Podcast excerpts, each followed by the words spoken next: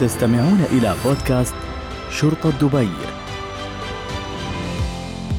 مرحبا بكم مستمعينا في حلقة جديدة من بودكاست شرطة دبي في الأوقات اللي نبحث فيها عن الإلهام والتحفيز هناك قصص تلهم الروح وتعطي الأمل للقلب. اليوم نتحدث عن مبادرة مميزة من قبل شرطة دبي تهدف تستهدف أصحاب الهمم وهو البرنامج العلاجي عبر ركوب الخيل.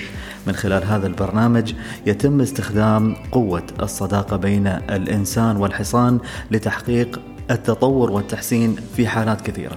لمناقشة هذا الموضوع والتعمق فيه أكثر يشرفنا أن يكون معنا سعادة اللواء الدكتور خبير محمد عيسى العض مدير مركز شرطة الخيالة ليشاركنا تجربته ورؤيته في هذا البرنامج العلاجي نرحب فيك في البرنامج وشاكرين لوقتك الثمين سعادة اللواء. آه، مرحبا أخوي محمد. آه، أشكر الاستضافة وأشكر الإعلام الأمني على آه، تغطيتهم هاي المنطقة اللي تعتبر جدا مهمة في المجتمع الإماراتي في في في فئة معينة الفئة المهمة اللي هم أصحاب الهمم اللي نحن بدعم القيادة الرشيدة وطبعا دعم أصحاب السمو الشيوخ والقيادة العامة لشرطة دبي نحن نقدم لهم كل الإمكانيات المتاحة عندنا في الشرطة. إن نعطيهم أفضل ما يمكن إن إحنا نقدم لهم إياه إن شاء الله. قبل ما نبدأ بحلقتنا لليوم تعرفنا أكثر عن مركز شرطة الخيالة من مهامه والخدمات والمبادرات اللي تقدمونها. أخوي محمد شرطة دبي تعتبر من الأجهزة الشرطية السباقة اللي قامت باستخدام الخيل في العمل الشرطي. نحن نعتبر من أوائل الأجهزة الشرطية في المنطقة وليست في الدولة اللي قاموا باستخدام الخيول في الأعمال الشرطية بشكل عام. وخلال السنوات اللي, اللي مضت بدعم القيادة العامة للشرطة دبي والقادة اللي اللي مسكوا القيادة اللي رأوا نظرتهم الثاقبة في تطوير العمل في في مجال الفروسية والخيل في العمل الشرطي. والحمد لله رب العالمين القيادة قدمت الدعم الكبير لنا نحن كمركز شرطة الخيالة في إن إحنا نوصل للمستوى الجدا الطيب المرموق اللي إحنا وصلنا له اليوم. لله الحمد. ولله الحمد. نعم شرطة دبي سباقة.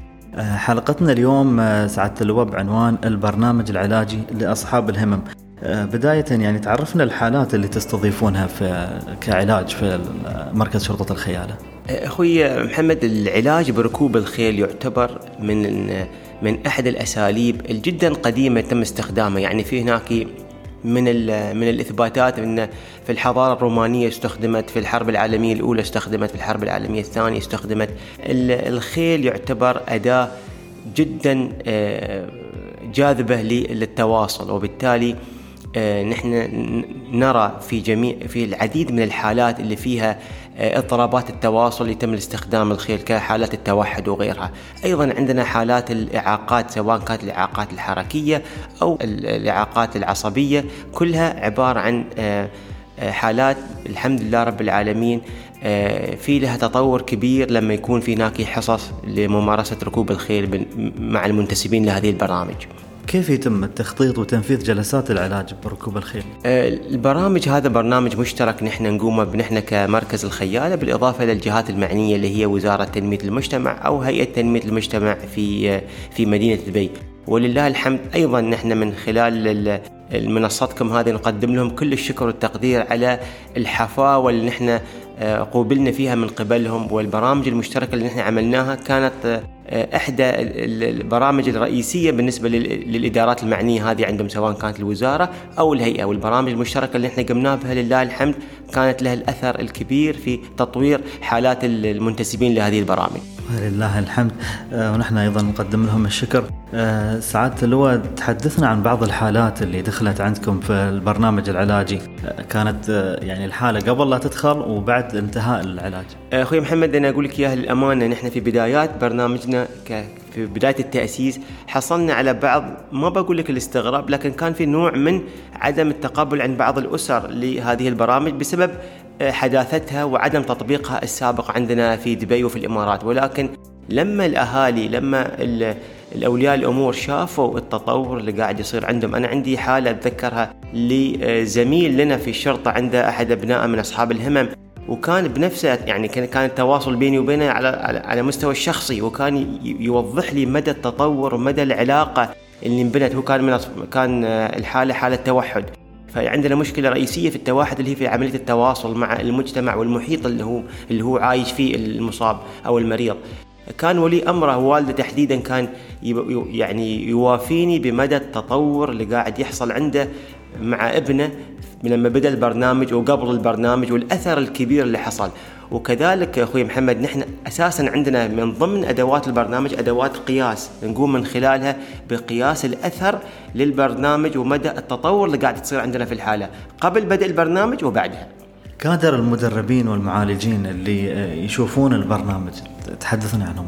البرنامج الحمد لله رب العالمين الجانب الطبي اللي يقومون بالإخوان في الهيئة أو في الوزارة طبعا كلهم على مستوى عالي من التخصص والكفاءة. وكذلك المدربين اللي عندنا في برنامج العلاج اللي يتبعون مركز الخيالة أيضا مدربين حاصلين على دورات متقدمة من قبل منظمة ال BHS وغيرها من المنظمات الدولية المعترفة فيها في عالم آه، إدارة اسطبلات الخيل. متخصصين واصحاب كفاءات يعني شرطة دبي دائما آه، تستثمر في الإنسان. سعاده اللواء تحدثنا يعني من هم شركائكم في البرنامج العلاجي؟ الشركاء أخوي محمد مثل ما مثل ما وضحت الوزارة هيئة وزارة تنمية المجتمع وهيئة تنمية المجتمع في دبي يعتبرون من الداعمين الرئيسيين بالإضافة إلى طبعا عندنا نحن أيضا متعاونين معنا من قبل الجهات التطوعية اللي أيضا يقدمون الدعم الكبير وأيضا الإدارات المعنية في شرطة دبي بعض الإدارات المساندة أيضا لها دور كبير وأيضا إدارتكم أخوي محمد الاداره العامه لاسعاد المجتمع من خلال إدارة الإعلام الأمني أيضا حقيقه مقدمين له دعم كبير ويشكرون عليه.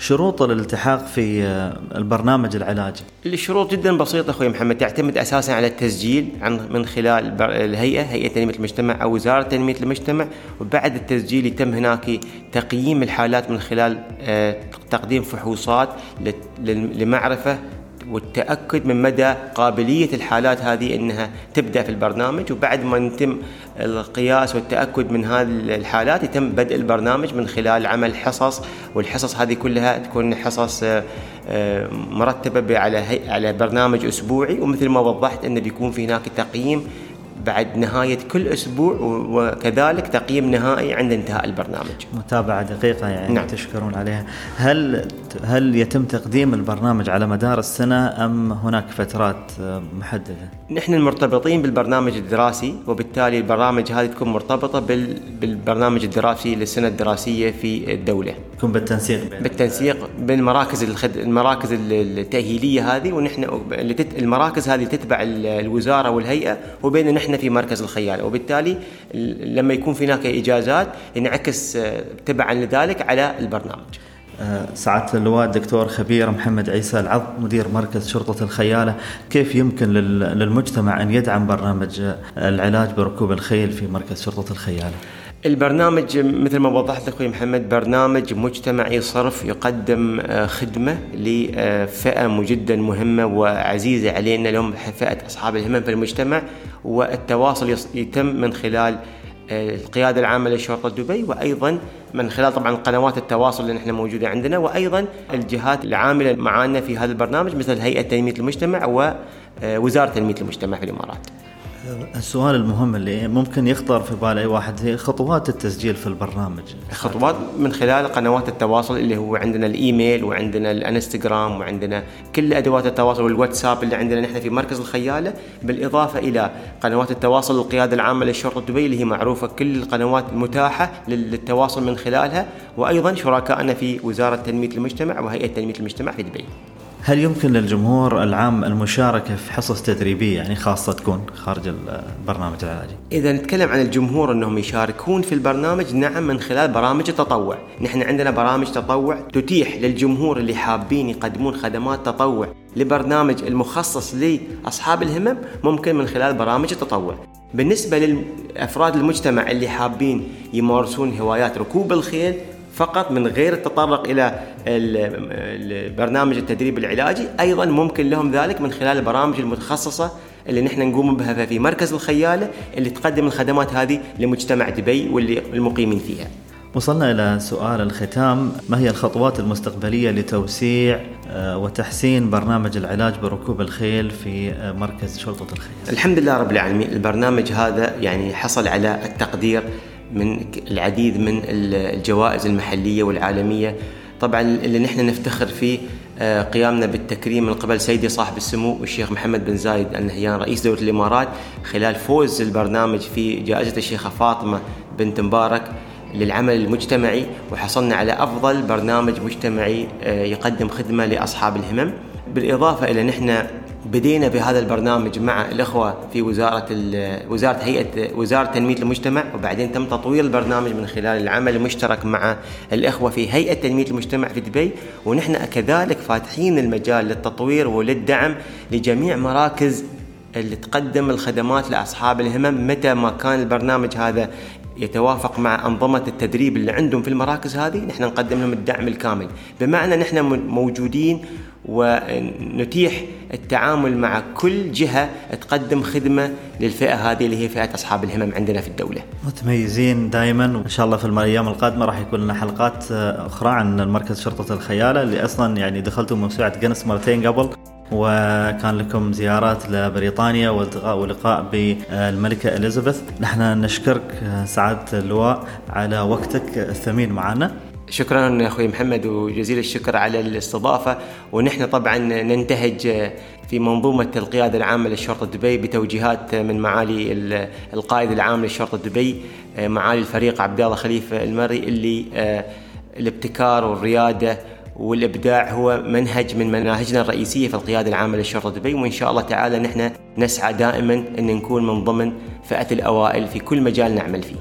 دائما إن شاء الله من الأوائل.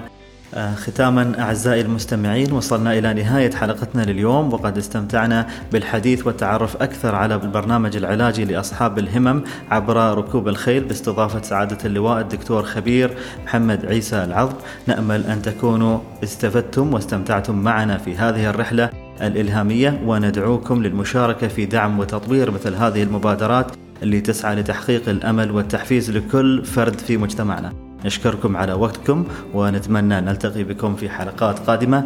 ودمتم في صحة وعافية وإلى اللقاء. استمعتم إلى بودكاست شرطة دبي.